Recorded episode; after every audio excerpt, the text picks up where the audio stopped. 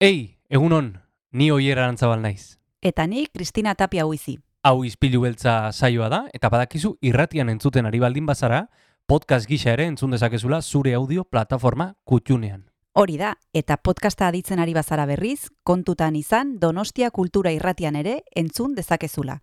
FM eundazazpi puntu lau frekuentzian. Sare sozialetan ere topatuko gaituzu noski, izpilu beltza bilatuta, Instagram, Facebook eta Twitterren. Besterik gabe, guazen gaurko saioarekin. Az gaitezen,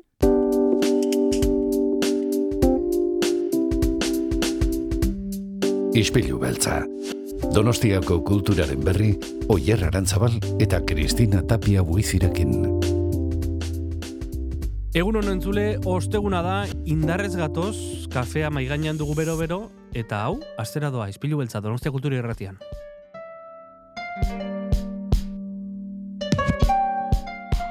Kafea bero-bero maigainean, eta hitz egiteko gauza asko. Kristina, egunon. Gegunon, gaur hitz egiteko gauza asko, badekizue ostegunetan e, zinemetara hurbiltzen garela, Josemi Beltranek laguntzen digu, bide horretan, badekizue bera Donostia Kulturako zine unitatearen zuzendaria dela, eta kartzen diku, dizkigu arribitxiak, nosferatu, zine komertziala, Bai, eta bai, bai. beste gauza pila bat. Gainera, e, beste gonbidatu bat ere izango dugu gaurkoan. Bai, Jon Insausti, kultura eta euskara zinegotzia Donostiako udalan, badekizu edula egun gutxi batzuk eh, Donostia kulturako balantzea iragarri zutela, joan den urtekoa, 2008 bigarren urtekoa, Bai. eta berarekin aipatuko ditugu ba, gauza interesgarrienak edo garrantzitsuenak. Kultura eta euskara zinegotzia da bera, Jon Inzausti hemen izan dugu askotan izpilu beltzan, eta ea zer daukan gurekin partekatzeko. Orain bai, e, lehenain musika aipatu dugu, ba, sierrastiri bidea irekiko diogu. Hori da, guazen gaurgo izpilo beltzarekin.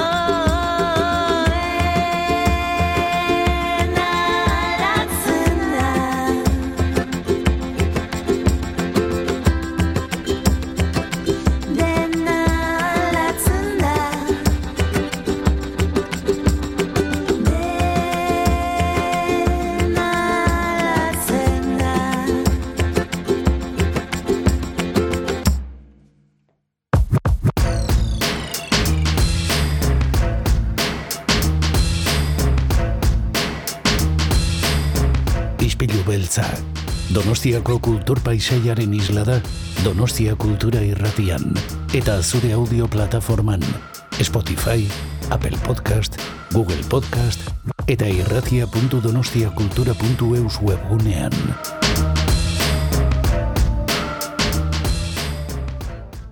Vitoria Eugenia Antzokian gure ahotsak izeneko ekimena egingo da martxoaren iruan, arrazaleko zazpiterdietan, eta urtero urtero eh, jaso izan dugu horren testigantza hemen izpilu beltzean. Bai, beste urte batu, batzuetan egin dutena da, e, egun konkretu batean, kontzertu mordoa, e, gaurkoan edo aurtengoan egin dutena da, e, sakabanatu dituzte, bai? Eta Mhm. martxoak iruan egongo da Natalia Lakuntza, eta beste egun batzuetan egongo dira beste artista batzuk, Olat Salva, Salvador, besteak beste, eta guk hemen izango ditugu. Martxoaren iruan izango da Natalia Lakuntzaren txanda, eta jarraian entzungo duzu berarekin izan dugun elkarrizketa. Guazen entzutera, Natalia Lakuntza, hemen izpilu beltzean.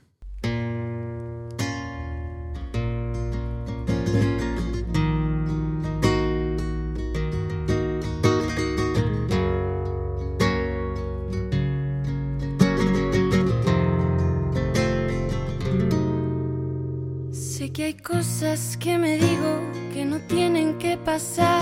Se despiertan del olvido, vuelven para hacerme llorar. Yo me quedaría contigo una, dos, tres noches más si no hubiera roto el hilo. Ojalá volver atrás. No te culpo de mi pena,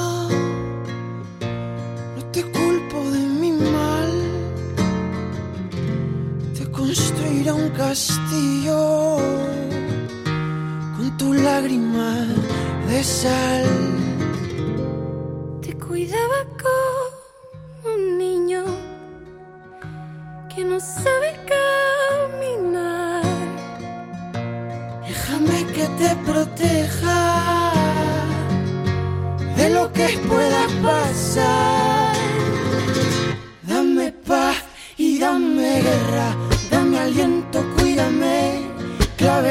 Clavelitos en tu pelo, los tatuajes de tu piel, hoy su pura y su pura, lo que ayer sabía miel.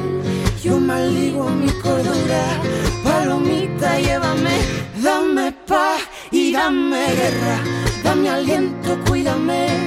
Clavelitos en tu pelo, los tatuajes de tu piel, hoy su pura y su pura, lo que ayer sabía miel.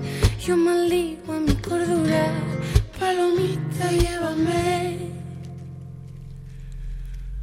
A ti te maldigo, a tus lágrimas de sal.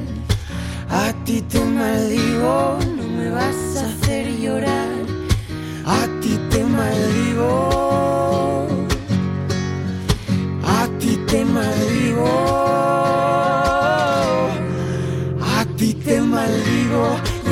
lágrimas de sal. A ti te maldigo, no me vas a hacer llorar. A ti te maldigo. Porque un niño que no es mío, nunca lo debí cuidar. Nunca lo debí.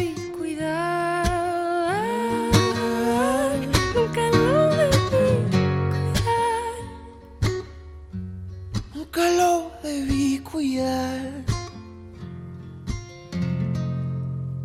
Ostegunero bezala bagato sinema hitz egitera, e, badakizu astean zehar bizita nagusi izaten dugula sinemaren inguruan, asteartekoa kresalakoen lagunen esku eta ostegunekoa Josemi Beltranen esku subtitulo atalean.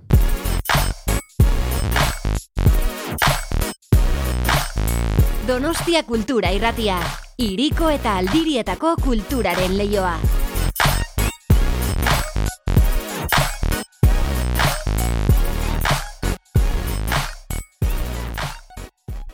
Subtitulo atalean, en, zinema hitz egiten dugu, beti egoten da e, normalean nosferatuko zerbait, eta baita sorpresaren bat.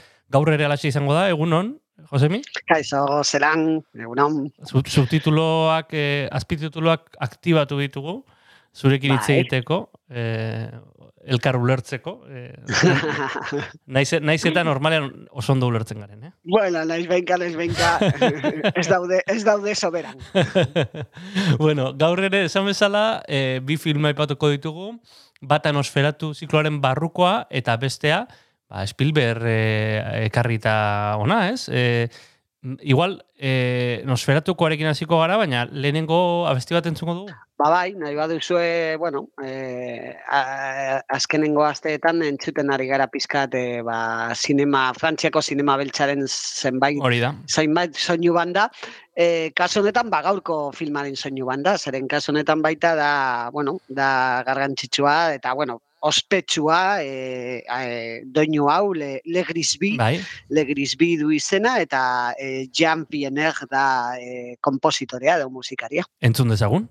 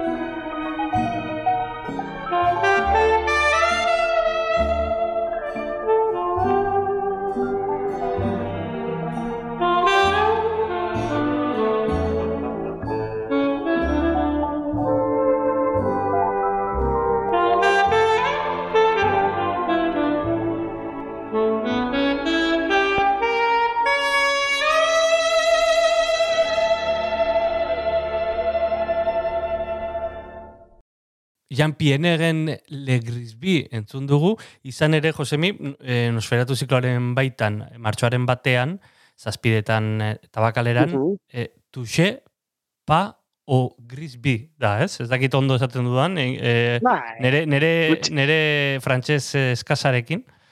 Gutxi gora bera, ez ukitu dirua, edo horrelako zerbait. Zeren hori da, eh, hain zuzen ere hori da le gris bi, hori da Aha. esan nahia, esan nahia, dirua, edo, eh, edo la pasta, Le- nahi le- baduzu esatea. Le, le, le argent, ez? Ez- L'argent, la pasta, eh, la tela. Hori da, hori da. Bai, zeren, bueno, e, e, bueno, ba, film hau e, da, oinarrituta dago eleberri batean, Bai. e, az, askotan geltatzen den bezala ziklo hontan, elebe komentatu genuen, ezta, e, literatura eta sinema oso lotuta daudela, e, ba, e, atxera begira da honetan. Hori da. E, Albert Simonen izan zen e, eleberriaren egilea eta eta hau trilogia bat izan zen. E, bueno, ba, idazle honek ba, liburu asko idatzi zituen, e, liburu beltz edo eleberri beltz asko, Mhm. baina trilogia hau bereziki oso ospetsua izan zen. Eta Tusepa Ogrisbi, ba, trilogia horren lehenengo liburua. E, eta protagonista da e, gangster bat, gazte, gangster e, sartuta bat edo, e, Max, E, eta, bueno, ba, berezitasunen artean, egilearen berezitasunen artean aipatuko, aipatu de- ditzakegu, ba, justu hori, e, argot, e, frantziako argoten hizkuntzaren erabilera, mm, e, mafiosoen artean. Aha. Eta horregatik legizbi, e, da, ba, bueno, ba, hitz oso garrantzitsua, e, kasu honetan, ba, historioan, eta, bueno, ba, ordezkatzeko, ba, bueno, estiloa, e, elebergiaren estiloa, eta baita e, filmaren estiloa. Mhm, Jax Becker zuzendariaren lana, Mhm. eta esan bezala, ba, mm, frantziar zinema beltzaren e, barruan koka dezakeguna, naiz eta Italiako produzioare baden, ez? Kasu honetan. Bai, e, bueno, arrakasta izugarria izan zuen e, filmak, e, eleberriak baita, baina baina egia zan e, filmak ba, lortu zuen e, ba, estatu batuetako e, film, film betxak edo ba, irabaztea, eh, haien kontra, irabaztea, eta ba, hasi, bueno, hasiera eman zion ba, e, ba, bueno, belaunaldi interesgarri bati eta eta Frantziako gaztergen, gangstergen filmak, e, bueno, esan dezakegu e, honekin hasi zirela, eta bereziki Jan Gabon, e, ja, bueno, ba, eskarmentu handiko aktorea zan, baina basere, baseraman ba, mabos urte iaia lan egin gabe, Mhm. eta honekin eta paper honekin Max e, pertsonaiarekin ba berriro berriro ospea edo konkistatu zuen eta veteranoen ba bueno indarra eh, azaldu azaldu zuen handik aurrera ba, ba, film asko eta asko egin zituen jangaban eta beti beti beti e, ba, e, genero honetan eh, gure gure zikloan eta datozen eh, asteetan ikusiko dugun bezala ba bueno gero megre e, komisarioa izango da, gangster gehiago eta gangster gehiago, eta eta bere bere aurrean Lino Ventura, e, kasu honetan kontrakoa, Lino Venturaren txat, ba, lehenengo, lehenengo papera zan, Bai? e, gangster gaztea, e, ka, e, gangster gaztea, gangster zarraren kontra, Bai. e, arteko ba, borroka bat, eta eta Lino Ventura ba, ba, ba, laster ba, bihurtuko da berriro, ba, baita beste aurpegi, bueno, ba, bueno oso eh, ezaguna eta eta eh, bueno, ba, oiko aurpegia hau bezalako eh, filmetan. Mhm. Touché pas o Gri- Grisby, Grisby, ez dakite RA ez dut oso ondo, eh, auskatzen frantsesez, esan bezala martxoaren batean, zazpiretan eta bakaleran, eta iruditu zaizu Josemi entzungo dugu pelikularen zatitxo bat. Bai.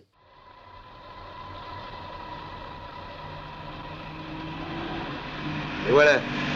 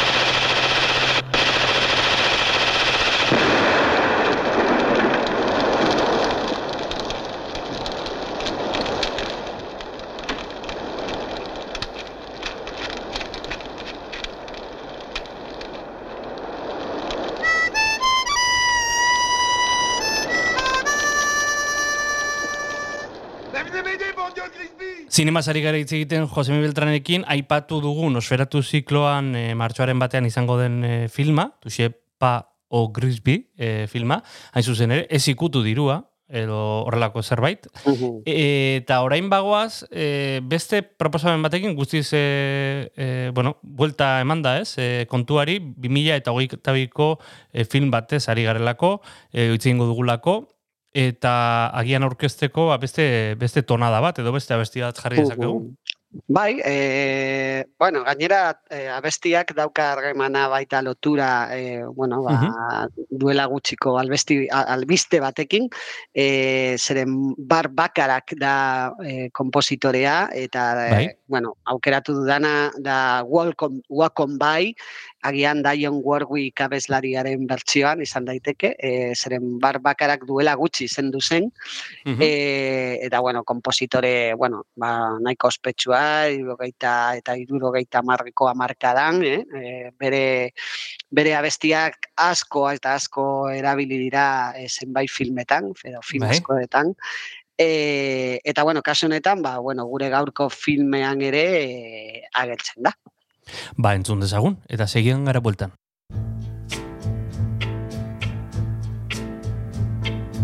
If you see me walking down the street and I start to cry each time we meet, walk on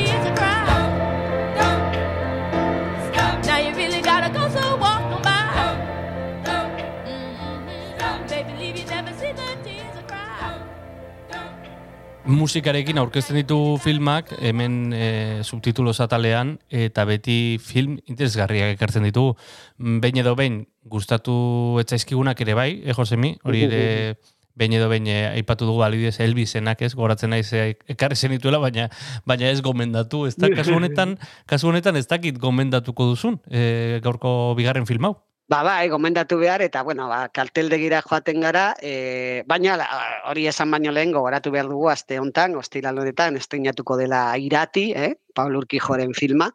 E, eta hori, ba, itxengo dugu filmarei buruz agian datorren astean, baina baina lehenik Bikain. eh, joan behar, hori bai, joan behar, guztiak zinemaretoetara, i, ba, bueno, zeren nire ustez gure zinemarako ba, film garrantzitsua da, eta gainera, ba, bueno, oso polita eta ikusi, ikusi beharrekoa, baina itxengo dugu gehiago. Hori da, itzengo dugu iratiren inguruan, hemen gomendioa bota dugu, eta orain gatozen gaurko filmera. Bai, ba, zinegile gazte batetik, e, ba, ba, zinegile edo maizu batera, eh? kasu honetan Steven Spielberg, eta The Fablemans e, da, da filma, bere azkenengo filma, e, bueno, ba, oraindik eh, karteldegian izango dugu, e, zazpi hautagaitza dauka aurten, e, Oscar sarietan, baina, bueno, ni normalean ez diote garrantzi handirik ematen gorri, baina, baina kasu honetan agian Spielbergen txat ba, izan daiteke ulte, ulte polita, zeren filma, Ba, bueno, oso pertsonala da, e, e, sinema munduarekin dauka e, lotura eta batez ere bere historio pertsonalarekin. Eh? Da, bueno, gutxi gora biografia bat, pizkat mozorgotuta, baina bere, bere familiaren historia, eta e, ba, bueno, ba, bere gogoen historio bat, e, nola txikitatik, ba, bueno, e, irudiekin zeukan e, maitasun hori eta eta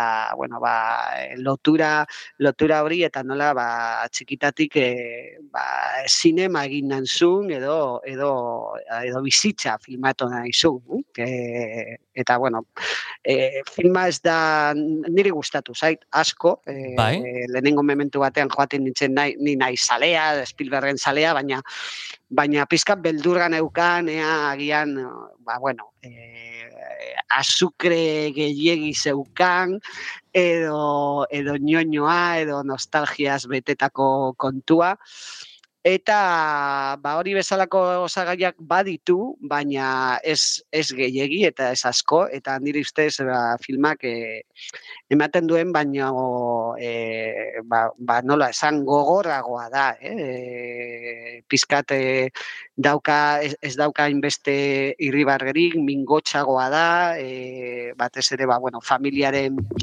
e, irudia, ba bueno, badauka bere bere, bueno, aminaz betetako aldeak, e, eta nire ustez lotu duena batez ere Spielbergek da e, irudikatzea oso ondo ze boterea esan, esan dezaken sorkuntzak, eta kasu honetan bereziki e, zinemak, ba, ba gure gure bizitza osatzeko eta gure bueno, ba, bizitzaren bueno, zehetasunak eta ñabardura horiek bueno, irudikatzeko eta eta eta askatzeko. Mm, E, batez ere bere amaren papera Michelle Williams da aktorea oso garrantzitsua da filma, e, filmean eta ama eta semearen arteko harremana nire ustez da e, bueno, ba, lotura osoa filmaren zehar eta beti e, Spielberg beti bezala e, kamera dago e, egon behar den lekuan, eh? beti ba bueno, esan nahia bat sortuz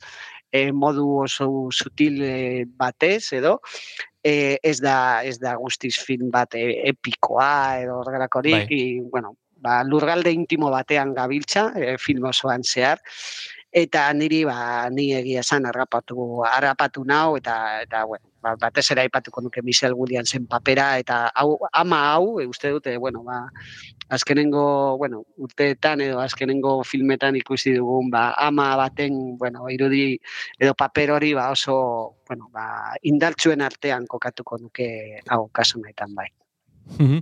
Eh, Steven Spielberg zalea za- zarela esan duzu, honek badirudi ere nolabait eh, bere, bere karreren kulminazio moduko bat, ez? Ja irurita urte ditu, Bai. eta, bueno, eh, lan autobiografiko batean sartzea, ez? Bai, gainera da guztiz, eh, guztiz, eh, bueno, askotan esaten da Clint Eastwood zuzendariari buruz, zuzendariari buruz azken klasikoa dela, eh? eta e, kasu honetan nik uste dut Spielberg ailegatu dela baita ere klasiko e, izatera. mm, Bere, bueno, badago eztabaidan garrantzitsua, e, beti esaten komentatzen da nola Spielberg, Lucas, Scorsese eta Coppola, ba, bueno, film, estatu batuetako film modernoaren sortzaileak, nola haiek suntxitu zuten e, betiko Hollywood edo, e, ba bere, bueno, Bai. luxuzko superprodukzioak eta gai agian friboloagoak eta eta nire ustez ba egin duen bidaia Spielberg e, ba izan da bueltatzeko ba e, bere sustraietara e, e, Hmm. bueno, John Ford bezalako edo Howard Hawks bezalako zuzendariekin aldura, alderatuta, hemen ez dago ese exhibizionismorik edo, e, bueno, badago, ba, ba, bueno, e, mirada nire ustez, ba, begirada oso oso lasaia eta oso klasikoa e, historio bat Mhm. e, kontatzeko eta sakontasuna e, lortzeko efektuk berezirik gabe eta eta bueno, ba esageratu esagera, esageraziorik gabe edo. hm? Mhm. E, eta azkenengo Spielbergen azkenengo filmetan horrelakoak ikusi ditugu, eh? Bueno, ba, bakarrik aipatu behar West Side Storyen baita ere ba, bueltatzea historio horretara beste beste keinu bat da, ezta? Edo, Bai. edo El puente de los espías bezalako filmak, edo Los papeles de Washington, ba, nire ustez horiek oso film klasikoak dira eta hau ere bada e, eta nire ustez hori ba, bueno, ez da akatsa kasu honetan biltute biltutea baizik bai. Tira, e, entzungo dugu irutzu zaizu Bai. e, pelikularen trailerra.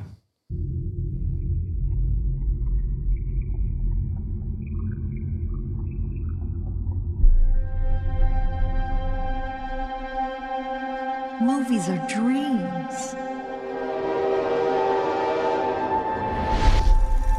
That you never forget.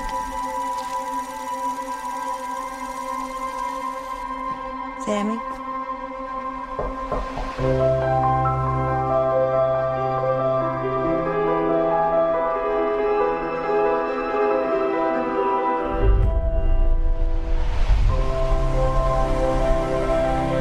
The lights change how everything looks. It's hard to find our house. Ours is the dark house with no lights. In this family, it's the scientists versus the artists. Sammy's on my team, takes after me.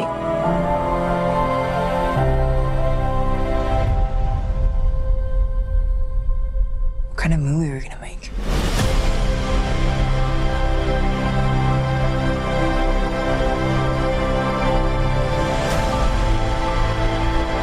You dismiss what he does. It's playful or imaginative. You could afford to be a little encouraging. She should have been a concert piano player. What she got in her heart is what you got. You can't just love something, you also have to take care of it. It's more important than your hobby. Can you stop calling it a hobby?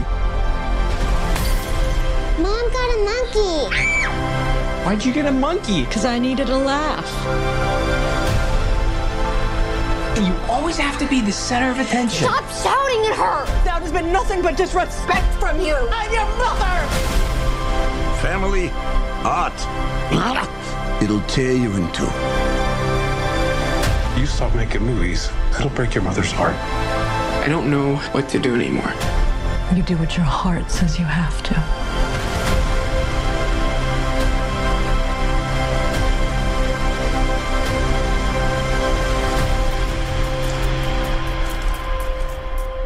What was your favorite part?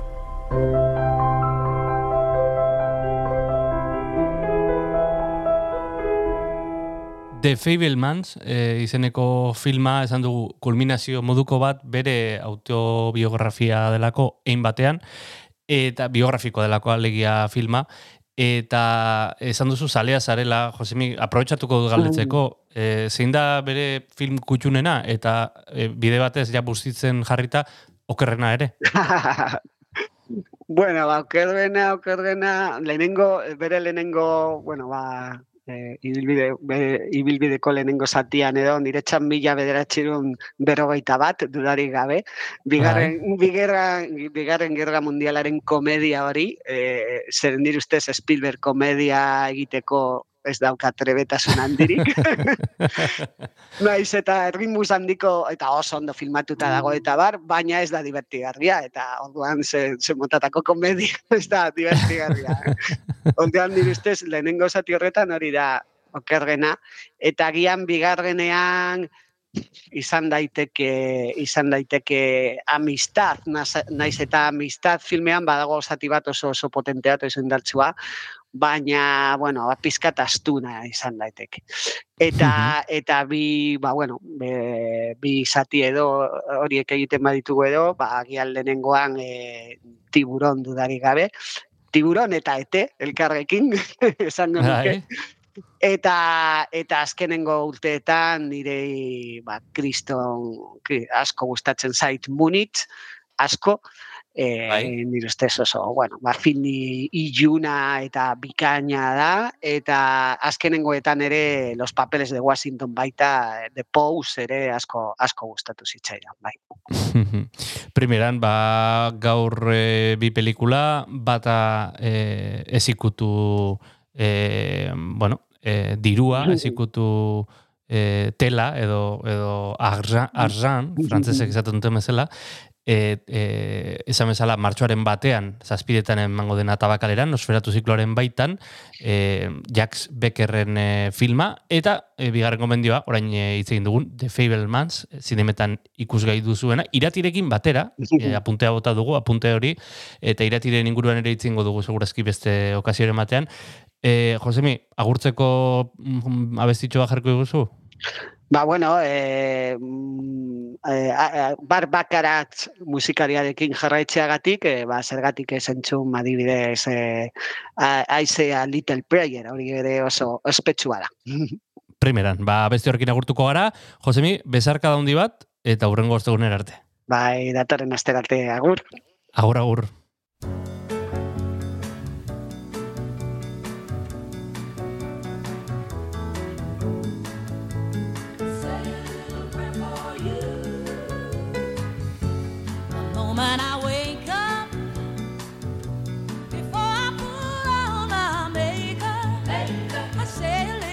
Little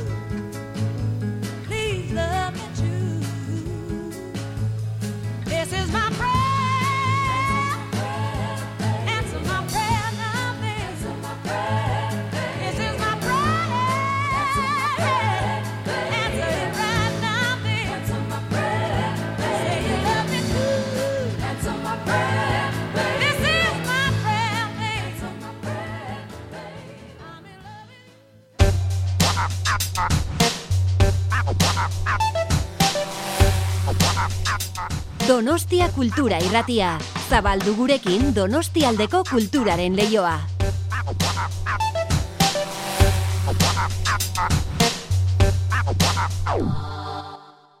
Gaur Donostia Kulturaren inguruan arituko gara, duela egun gutxi iazko balantzea aurkeztu zuten eta guk horren inguruan aritzeko kultura eta euskara zinegotzia gonbidatu dugu ispilu beltzara. Egun on, Jon Insausti, zer modu zaude? Kaixo egunon, oso ondo, oso ondo, eskerrik asko. Bueno, esan bezala duela gutxi Donostia Kulturako joan den urteko balantzea aurkeztu zenuten, E, zein dira konklusio garrantzitsuenak, Jon? E, kopuruak aipatzen dira bertan, e, tendentziak ez dakit ere bai, guazen pixkanaka pixkanaka e, hitz egitera datu hauen inguruan, zuretzat zein dira datu garrantzitsuenak? Bueno, guk eh, behintzat eh, Donostia kultura barruan ez, ba, erakunde barruan eh, guretzat 2000 eta hogeita bigarren urtea izan da errekuperazioaren eh, urte, ez, guk behintzat horrela horrela izendatu dugu, ba, bueno, eh, horri lotuta ba, hainbat eh, bueno, gauza berreskuratu ditugulako, ez, ba, bai eh, ekitaldi handiei dagokionean, bai eh, kultur ekipamenduek jaso dituzten eh, jarduera eta bisitari kopuruari dagokionean, eta baita ba, ba, bueno, ba, ikastaro, sarrera salmenta, eta oroar, ba, bueno, partaditzari dagokionean. Beraz, guk behintzat, eh, hogeita biko urtea errekuperazio urtea bezala eh, izendatu dugu. Bai, izan ere, e, zifrak, bueno, potoloak dira, 6.000 zazpireun baino gehiago jarduera kultural, e, bueno, jasaldian eunda berrogeita mar mila pertsona inguru, e, irurogeita meretzi kontzertu, dako ikuskizunetan berrogei mila sarrera saldu ziren, e, aste nagusian, bueno, e, milioi bat baino pertsona baino gehiago, e, pertsona baino gehiago hurbildu ziren, e, Oteiza eta Txillidari eskainitako Santelmo Museoan udako erakusketan e, bisita mordoa izan ditu. Bueno, zifrak e, nahiko onak esan dezakego izan direla, ez, Jon? Bai, a ber, e, egia da, izan daitekela, ba, termometro bat ere ez, ba, bueno, batzutan e, jarduera bat antolatzen duzunean, izaten duzun partaide erabiltzaile ikusle e, kopurua, bueno, zifra ona izaten da ere, ba, ikusteko, ba, bideonean zoaz, ez, ea, asmatzen duzun ere, Mm. eta, bueno, hori izaten da horrelako e, termometro balido bat, baina, bueno, Mm. da ere, bakarra ere ez du izan behar, eh? nik uste, e, ba, Bai. bueno, kulturak ere baditula beste atributu batzuk, ez, o beste zaugarri batzuk, eta, Mm. bueno, zifra potolo eta handietik aratago gero badira gauza txikiagoak, ez? Eta balio handia handia dutenak ere eta igual akaso beste e, neurketa bat ere behar izaten dutela, baina egia da, bueno, hogeita ikutzi dizkigun argazkietatik, ba, e, zuke aipatu dituzunak izan direla, ba, titularrak, ez? Ba, ba Santiago Mm. Museoan, ba, batu ditugu, ez? Dialogoan, oteiza eta txira, bueno, hori ba, izan da Mm. e, argazki on bat, ez? E, bestalde, ba, bueno, aste nagusiko estropadak eta, bueno, e, festa giroa berreskuratu izanak ere, ba, utzi du bi urte eta gero, ba, beste argazki handi bat, e, jasaldian ondartza e, betetzak ere utzi du beste argazkia, bueno, nik uste, e, jendetza horiek batzearen argazkia, ba, bueno, hor geratu dira, eta, bueno, bikain oso, oso ondo daude, baina, bueno, beste puntu bat badauka, ez, ba, e, niretzako ere seinaleuna bada, ba, oiko kultur praktikaren e, zenbakiak ere, ba, izan dutela, ba, bueno, e, emaitza ona, ez, ba, bueno, kulturretxetara berriz ere jendea hurbildu da, liburutegietara berriz ere e, maileguak e, eskatzera jasotzera jendea hurbildu da, eta bueno, Bai. badago ere beste datu garrantzitsu bat, eta da, ba, bueno, sarrera salmentarena, ze hori izan da e, hainbat kultur eragileren, e, izan e, arlo e, gizarlokoak edo baita ere esparru publikokoak ba, izan dugun kezka, ez? Ea, pandemia ostean, Bai. E, berriz ere antzokiak, e, musikaretoak, beteko ziren eta ea sarrerak salduko ziren, eta bueno, printzipioz, urtea zaila, bueno, zaila hasi genuen, kezka horrekin, baino ia da, ba, bueno, urteak aurrera gina ala ere, lortu dugula, ba, sarrera salmenta e, kopuru majo bat, e, Donostia Kulturak 5,7 milioi euro e, jaso ditu, sarrera salmenta, alokairu eta e, bere jarduera propioarekin, eta gero ia da, ba, bueno, ba, diru hori jasotza importantea dela, ze horrekin gauza gehiago ere e, finanziatu eta programatu daitezke. Beraz, bueno, uste dute, urteak grisa edo pixkat beltza hasi genula, baino pixkanaka pixkanaka jundala e, kolore hartzen. Eta ez da, ez da seinale txarra izan behintzat. Mhm. Aipatzen duzu urtea, bueno, modu batera hasi zela, gero bukatu zela beste beste kolore batekin, oroar balantzea positiboa da. Nik ezakit eh, nabaritzen ari zareten eh, jendeak eh, ba, beste ohitura eh, hartzen ari ditula edo edo bueno, e, eta tendentzia hori mantentzen ari ote denez, e, ikusi dugu hainbat ekitalditan adibidez ordutegia pikin bat aurreratu da. egin dela. Eta beste gauza batzuk ere bai ikusten ari gara, nik ezakit hoiek gelditzeko etorri diren edo ze sensazio daukazuen zuek. Bai, a ber, e, guk argi ikusi genuen, ba, bueno, e, bueno, Donostia kulturak hogeita hamar urteko ibilbide dauka, e, beraz, hamarkada askotan, urte askoan, e, landutako eta, eta bueno, e, persona askok sortu duten e, zerbitzu publikoa da, eta nik uste, ba, bueno, ibilbide hori bada txalutzekoa, baina ia da hogeita urte eta gero, kuestionatzea, batek egiten dituen gauza kuestionatzea ezinbestekoa dela, mm. Osea, kuestionamendu gabe ez dago, ez dago aldaketarik, ez dago bekuntzarik, osea, dana ezin da egin igual, e, hogeita Mm. urtean, eta, Mm. ba, bueno, modu batean edo bestean, pandemia ere baliatu genuen, e, gelditzeko eta horlako, bueno, ber, ez dakit berrikuntza, baina, bueno, pixkanaka gauza batzuk aldatzeko, eta aipatu duzun moduan, ba, ordutegierena izan zen, ba, aldaketa bat, ez? Ba, e, sortzi, sortzi terdietan hasten ziren e, ba, ekitaldiak, e, jarduerak, ba, erabaki dugu zazpi edo zazpi terdietara aurreratzea, hori izan da adibidez, ba, pandemiatik esorri zaigun zerbait, eta erabaki duguna ere aurrerantzean ustea, bueno, Hmm. ba, pixkanaka ere, ba, e, ordutegi e, aldaketa ere, aldaketak ere izan ditugulako, ez? Ba, Bai. ba, jendeak personek aurreratu egin dituzte euren ohiturak, e, bueno, baita ere honek usten dizu antzokitik atera, eta, bueno, nahi baduzu ez, ba, bueno, zerbait afaltzeko, edo zerbait hartzeko Mm. aukera ere usten dizulako, bueno, gauzatxo horiek ba ikasi ditugu, ez, eta gero hortik lotuta ere, ba, pandemiatik ikusi genuen ezinbestekoa zala arlo digitalean ere, ba, bueno, komunikazioa hobetzea, edo, bueno, Mm. eta hortik ere etorri da web horrialdearen Bai, berrikuntza. bai. E, eta, bueno, hor saiatu gara, ba, e, mugikorretik behintzat, e, egoten dan, ba, navigazio arrastasunari, ba, atseginago egitea, Bai. eta bisitatuenak diren espazioi ere, ba, garrantzi gehiago ematea, ez? Ba, Mm. hor bagenekin, agenda, sarrera salmenta, liburutegietako katalogoen bilaketak badutela, bueno, horrelako tire gehiago, ba, bueno, hoiek erraztu ditugu, eta gero, horri lotuta ere, ba, ba, bueno, beste berrikuntza bat, ba, kaso, eh, hainbeste nabari edo ikusten ez dana, baino garrantzitsua dena izan da, banez eh, funtsetatik etorritakoa, ba, bueno, niri izen hauek asko asko ere titular potoloak iruditzen zaizkit, ez? Baino Hmm. antzoki, bueno, Victoria Eugenia antzokia antzoki berde, ez? Bai, Edo, bueno, transizio bai, egin izana, ba, bai. bueno, azkenean LED teknologia horretara salto egitea, eh, bueno, bada ere erronka bat, hori ere Mhm. egin behar zan, eta baliatu dugu ere pandemia eh, tarte hau ere, ba, hortan ere, ba, saltotxo bat emateko. ez? Mhm. Bueno, gauza txikiak dira, baina behintzat eh, norabide bat edo norantza bat argi uzten dute, eta bueno, pista batzuk ere ematen ditu, ba, etorkizunaren ba, martxari buruz. Baina, Mhm. bueno, bai, hoiek ere, ba, ba, izan ditugu eh, 2022 urtean zehar. Mhm. Ari gara Jon Inzaustirekin aipatzen nola izan den Donostia kulturan 2022 garren urtean tartetxo bat hartuko dugu eta segituan gara berarekin e, hitz egiteko bueltan.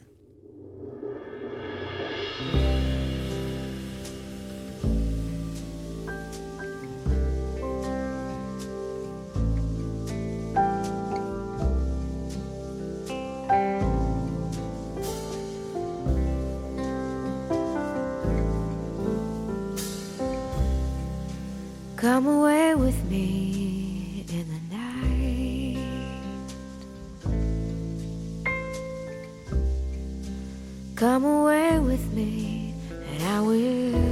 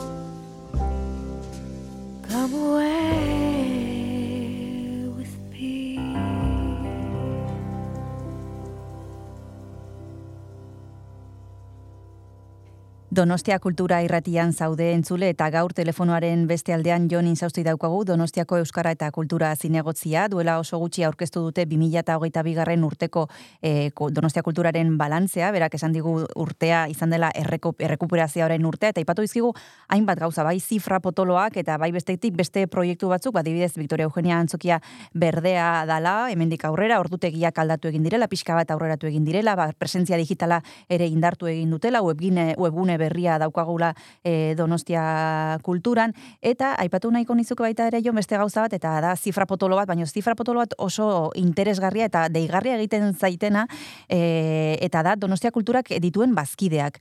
E, hori e, oso zenbaki haundia da, eta nik uste dut e, ez dala gertatzen beste hiri batzuetan, hau. Ez, a ber, horrek ere, bueno, bere azalpena badauka, eh, baina, bueno, e, Hmm. duela urte pare bat kalkuluak egiten, e, derrepentean konturatu ginen, e, Donostia kultura dala, e, hiriak duen e, bazkide edo klub handiena. Osea, Bai. Futboletik arago gainea. Bai, bai. Eta gero hori, Gipuzkoako zenbakitara ere trasladatzen baldin baduzu ere, ez duzu aurkitzen e, beste elkarterik edo hainbeste jende batzen dituenik, eta ez dakit, e, erkidegora ere zabalduko bagenu, Bai. e, etzan izango ere, ba, talde, talde handiena, ez? Egun da, Mm. e, amasei mila bazkide, e, bi mila eta Bai. hogeita urten, zenbaki oso oso potoloa da, e, Bai. gauzak bezala, Eta, bueno, hor- hori ere bestak beste erantzuten dio, Donostia kulturak ere, ba, bueno, eskaintzen dituen e, zerbitzuei esker. Ba, Donostia kulturak bere barnean jasotzen dituelako, ba, e, liburutegi e, zerbitzuko maileguak egiteko aukera, ez da, bueno, bazkide txartela baliatzen duzu horretarako, Bai. e, baita ere, ba, sarrera salmentak ere, ba, hortik baliatzen dituzu, eta horri esker, ba, deskontua jasotzen dituzu, bueno, eta gero, egia da, e, beste erakunde batzuekin ere, tratuak edo akordioak ditugula, deskontuak ere jasotzeko, ba, Bai. beste batxidalekun edo horrelakoetan, ez, bueno, bada, horrelako e, bazkide txartel bateratzaile bat, ba, hiriak Bai. kulturgintzan eskaintzen dituen zerbitzuetatik e, begiratuz, baino baita beste hiriko kultureragilekin konexioa edo zubi lana egiten dizun txartelagatik eta bueno, e, zenbaki hauetatik ere bueno, politia izaten da batzutan e, tripak begiratzea, ez da, nondik e, ze, ze motatako e, erabiltzailea e, duen donostia kulturak, eta, e, bueno, e, amarretik zazpi donostiarra da, Bai. e, iru ba, lurraldetik dator, bueno, hori ere Bai. ondo dago, eh? nik eh, uste dute hiriak ere zerbitzu eman behar diola lurraldeari, eta e, uste dut e, e, donostia gipuzkoa dela, gipuzkoa donostia dela, eta hori ere ezin dugulazu, eta uste dut Bai. konexio politia dela, Bai. eta bestalde, bueno, ba, badala e, adin bat duen emakumezkoaren figura. Hori ere, ba, Hmm. bada gure gizarteko argazki bat, ez? Eta, bueno, Bai, hori ere, bai. sumatzen, sumatzen dugu, e, ba, bueno, ba, numero horietan, baino ia da, jo, ba, urtetik urtera, eta gainera pandemia urte batzuk pasa, pasa eta gero, ba, ba, goruntza doan e, zifra dela, gogoan dut 2000 amazazpi, edo emezortziko e, memoria orkesterakoan, ba, ez dakite, un milaren bueltan edo ibiliko ginen, eta, jo, sekulako, sekulako e, igora izan da, ez? Azken Bai, bost, e, bai. urtetakoa. Bai, sekulako saltoa izan ere, esan bezala Jonek orentxe bertan esan du zenbakia, ia e, eunda amazazpi mila pertsona e, daude donostia kulturan, e, bueno, kasi-kasi, ez, ez da iristen, baina hortxe, hortxe dago e, zenbakia. Ari gara errepasatzen nola izan zen 2008 bigarren urtea Jon, eta galdetu behar dizut ere nola aurre ikusten duzuen izango dela 2008 irugarrena. E, ze prebizio dituzue? E, esan duzu, joan den urtea erreko, errekuperazioaren urtea izan zela, aurten nola izango da? Bueno, nik uste ja eh, velocidad crucero, ez? Eh, esaten dan hori, behin ja martxa hartzen duzunean, ez? Eta berriz ere Hmm. makinaria guztia eh, aktibo dagonean, martxan, funtzionamenduan, bueno, eh, ba, bueno, nik uste orain tokatzen zegula ere, ba, bidean aurrera egitea, eta uste dut ere garrantzitsua dela eh, aztertzea eta pensatzeko denbora ere hartzea. Eh, bueno, Bai, bi urte komplikatu pasa ditugu, bai. e, zerbitzu guztiak, ekitaldiak, jardurak martxan daude berriro ere, baina uste dut ere importantea dela e, ba, bueno, begi batekin begiratzea ba, egunerokotasun horri, baina besterekin ere ikustea ber, ze gertatzen ari den, ez? Ba, ikustea, bueno, Mm. oiturak berreskuratu ditugu, e, aurreko publikoa dugu, ez, berria etorri da, zer berritu behar dugu, zer aldatu behar dugu, no, uste dut, e, bi begira da horiek eukitzea e, garrantzitsua dela, ez, e, Hmm. horrek e, azkenean, ba, baduelako zer ikusia, ba, donostia kultura e, bezalako erakunde baten, ba, e, bueno, arrakasta edo behintzat biziraupenarekin, ez?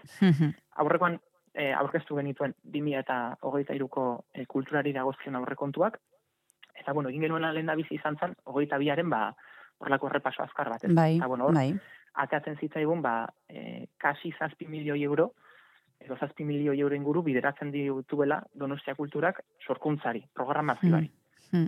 Eta, Hmm. jo, esaten diazu, jo, ba, zein da Donostia Kulturak aurrera begira e, dauzkan proiektuak, edo zer egin behar du, ba, argi eta garbi, e, Donostia Kulturak egin dezaken gauzarik onena da, programatzen jarraitu. Hmm. Ze, sorkuntzari e, tartea egiteko, e, erakusleio izateko, zerbitzuak eskintzeko, egin dezaken gauza honena da, hoxe, e, Hmm. da, bueno, diru hori bideratu, zerbitzuetara, programaziora, edukira eta jardueretara. Eta modu horretan, e, bueno, ba, baliabide da aukera ematen diozu, ba, sortzaileei ere, ba, Hmm. ba, bueno, ba, zergatik ez, ba, bueno, ba, lan aukerak edukitzeko eta beraien sorguntzak ere, ba, donostian aurkeztu eta e, jakina, ba, lurraldean edo beste leku batzuetan e, e, zabaltzeko, ez? Hori, ba, Hmm. bueno, hori izan da konpromisoa eta kopuru e, beretsuekin jarraituko dugu hogeita iruan. Baina hia da ere, esan bezala, ba, bueno, gauzatxe batzuk ere berritzeko gogoa bageneukala, eta, bueno, niko horriru dauzkat pixkatola azpimarratuak, bintzat, bueno, niretzako edo asko maite ditudan e, Bai. e, produktuak edo Bai. e, zerbitzuak direlako. E, Bai. Bata da, larrotxene e, kulturretxea Bai. intxaurrondo Bai. zara Bai. e, bueno, aurreko hilabetetan zehar, e, lanean, bueno, obretan edo lanak e, lanetan egon gara Hmm. bertan, Hmm. eta e, barru aldetik behintzat, ba, bueno, beste itxura bat e, eskainiko du, ba, ikusentzuneko, e, ikusentzunera bideratuak dauden, ba, zerbitzu horietan. Hmm. Berrikuntza izango da, eta, bueno, ba, ez, ba, larrotxenek badauka horrelako e, izen handia edo referentzizko Bai, etxe bada, e, bai, ikus entzunezkoari dagokionean, eta, bueno, e, hori hobetu nahi genuen, beraz, e, lanak orain otxaian amaituko dira, baliabide gehiago bideratu da larrotxenera eta bideo zerbitzu hori ere hobetu egingo da. Beraz, hori Hmm. izango da, ba, horten jasoko dugun berrikuntza bat. Beste bat izango da, ba, Donostia pain edo muralgintzaren eh, Bai. proiektu horrekin ere aurrera Bai. jarraituko dugula. Bai. Zeneko auzoa, bueno, urumeako ardatza, ez? Martutenen Bai. loiola eta izan ziren, e, ba, bueno, aukeratuak, eta hor Gladys e, pasabidean daukagun udan juaristiren e, marrazki e, irudia handia, eta hori aurten ere errepikatzeko asmoa daukagu, eta bide bieta Bai. izango da, e, ba, bueno, interbentziotarako auzoa. Hmm. Eta, bueno, e, 2008an errekuperatu genuen, olatu talkatik zetorren e, horrelako jaialdi edo e, festival txiki bat, hori Bai. argi artean zan. Argi artean e, herriberetan, loiolako herriberetan antolatu zan e, lehenengo aldiz 2008 garren urtean.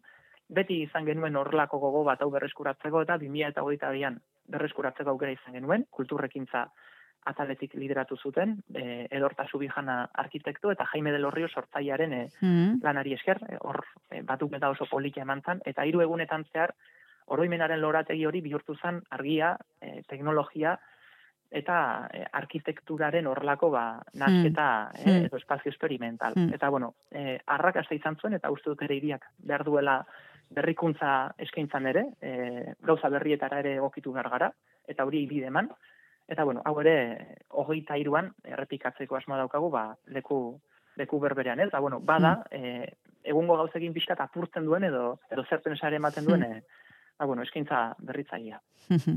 bueno, hiru gauza oso garrantzitsua aipatu ditu Jonin Saustik hemen e, hogeita irurako proiektuak izango direnak. Errepasatu dugu berarekin nola izan zen joan den urtea. E, eman dizkigu nola, eman dizkigu klabe batzuk jakiteko nola izango den aurten, nola izango den 2008 irugarren urtea.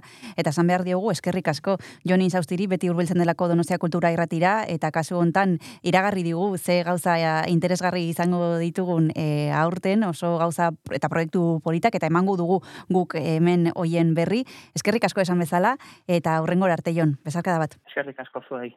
Esker, Cristina. Zer dio, isiltzen denak, isiltzen denean Gizon galdua, nork lagunduko, miseria sufri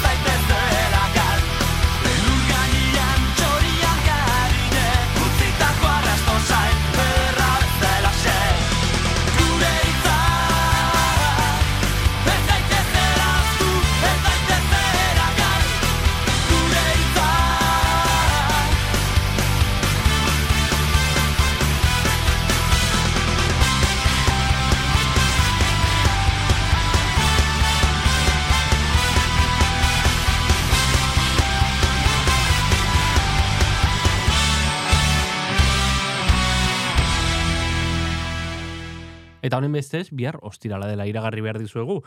Eta ostiraletan, ba, liburutegietara joaten gara, eta ikastaroak errepasatzen ditugu.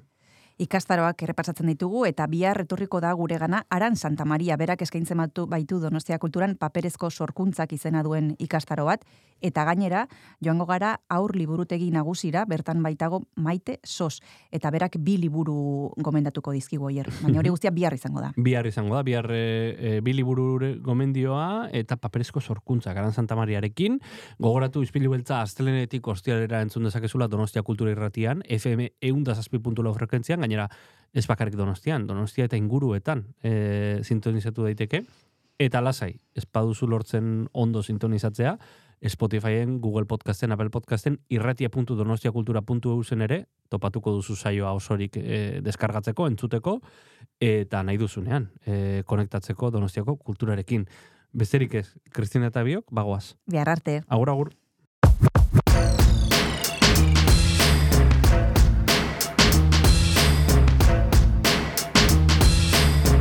Ispilu beltza. Donostiako kultur paisaiaren isla da Donostia Kultura Irratian eta zure audio plataforman Spotify, Apple Podcast, Google Podcast eta irratia.donostiakultura.eus webgunean.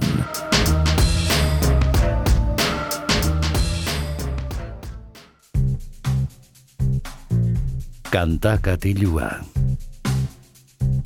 Egun honen zule zer moduz doa osteguna.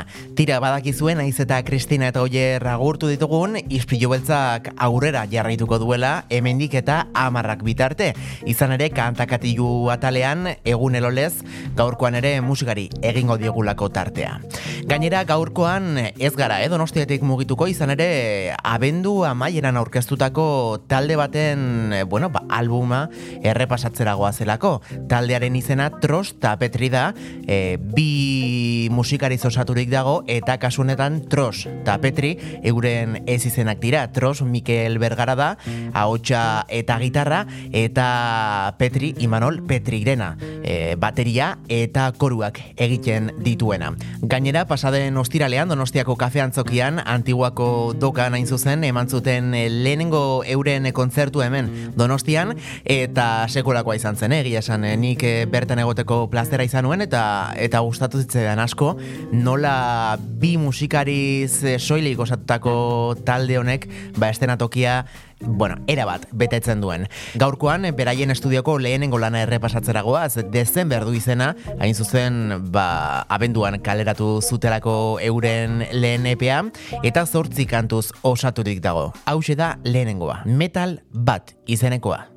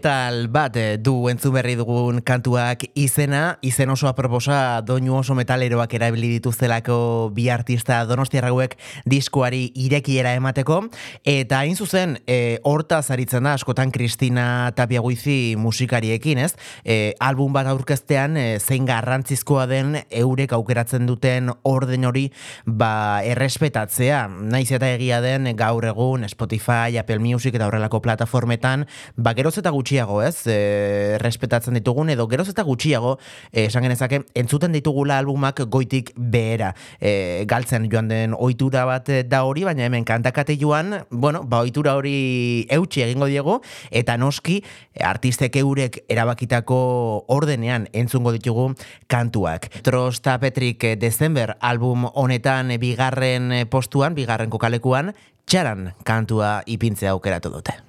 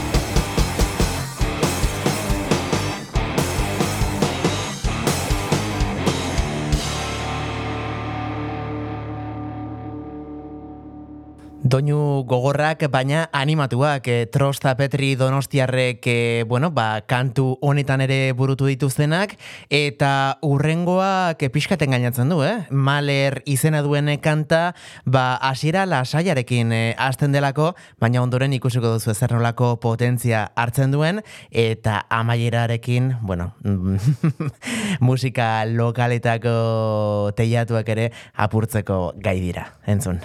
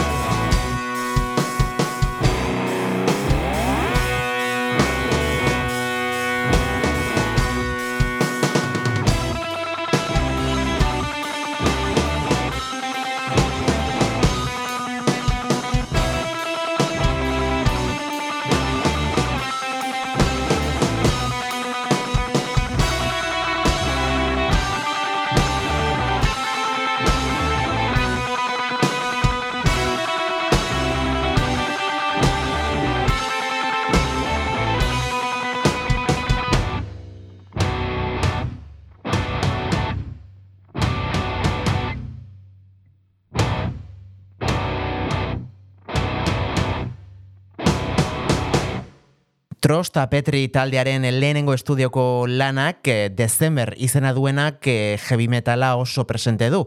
Kanta gehienetan, baina bereziki bitan. Lehenengoan metal bat izena duena, eta hurrengo honetan metal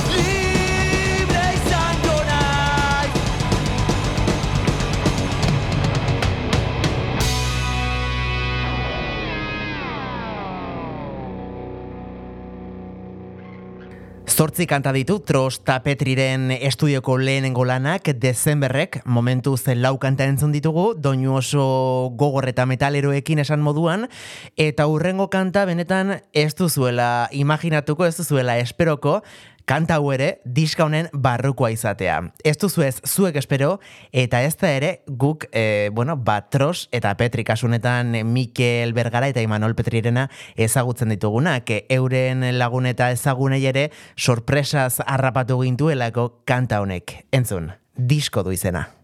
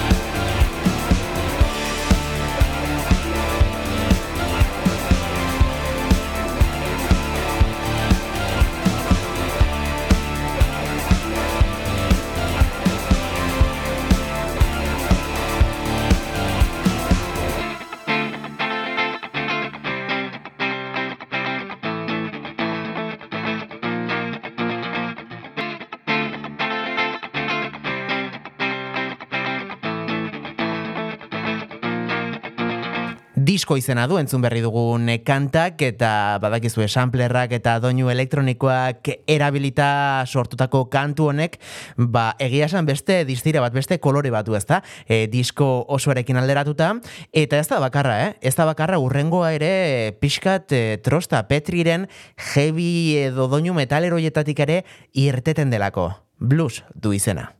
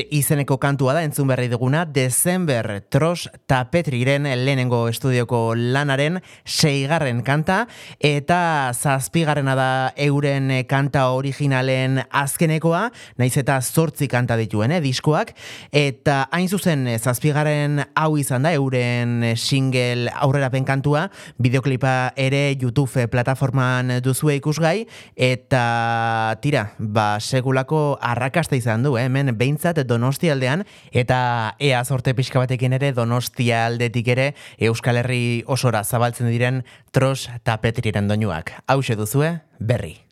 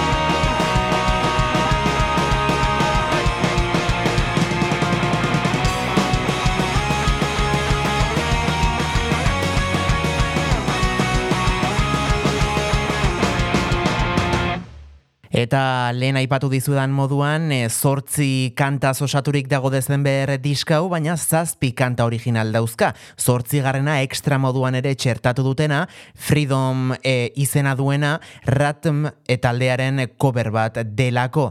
E, kasu honetan ere, beraien estiloan murgildurik, hause duzue, Freedom.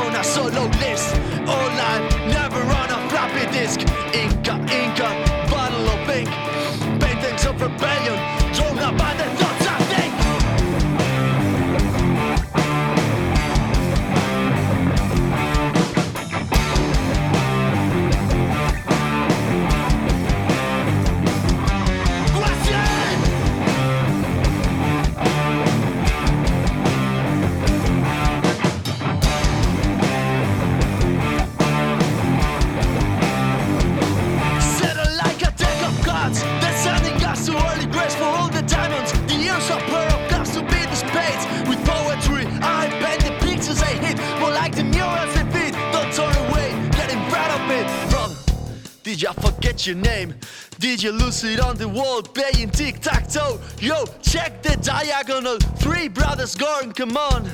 Doesn't it make it three in a row?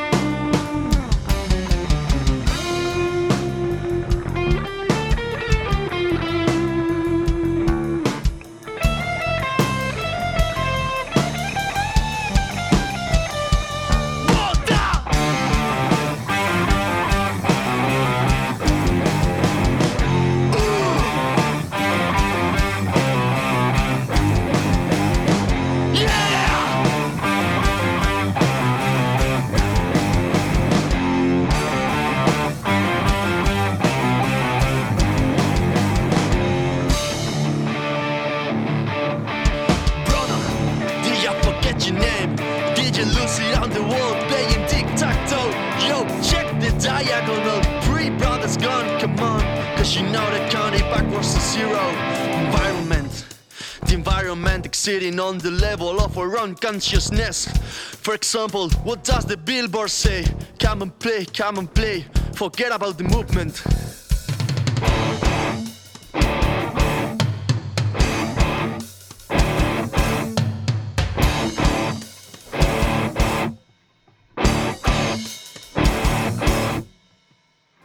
Anger is a gift.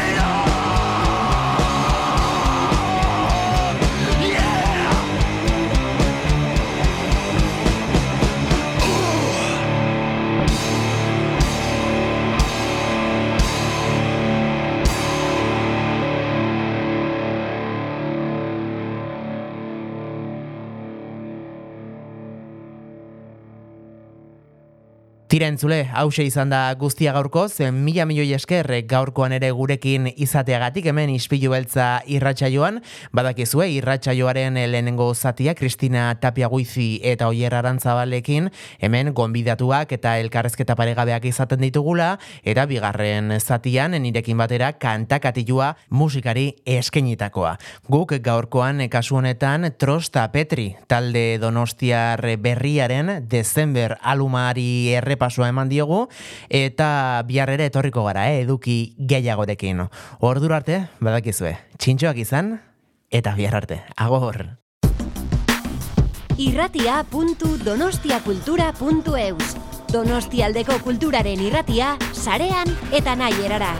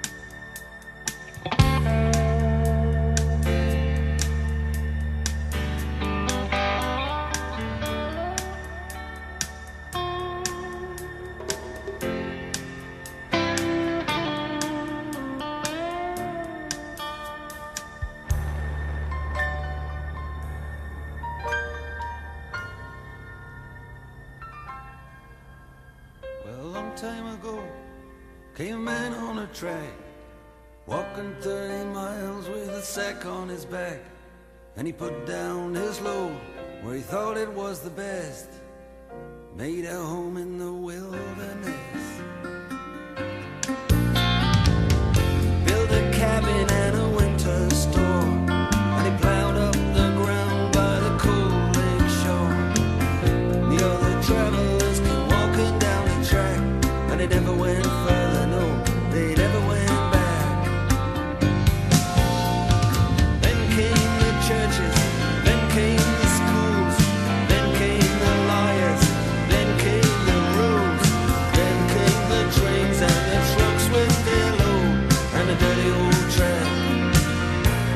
The telegraph road.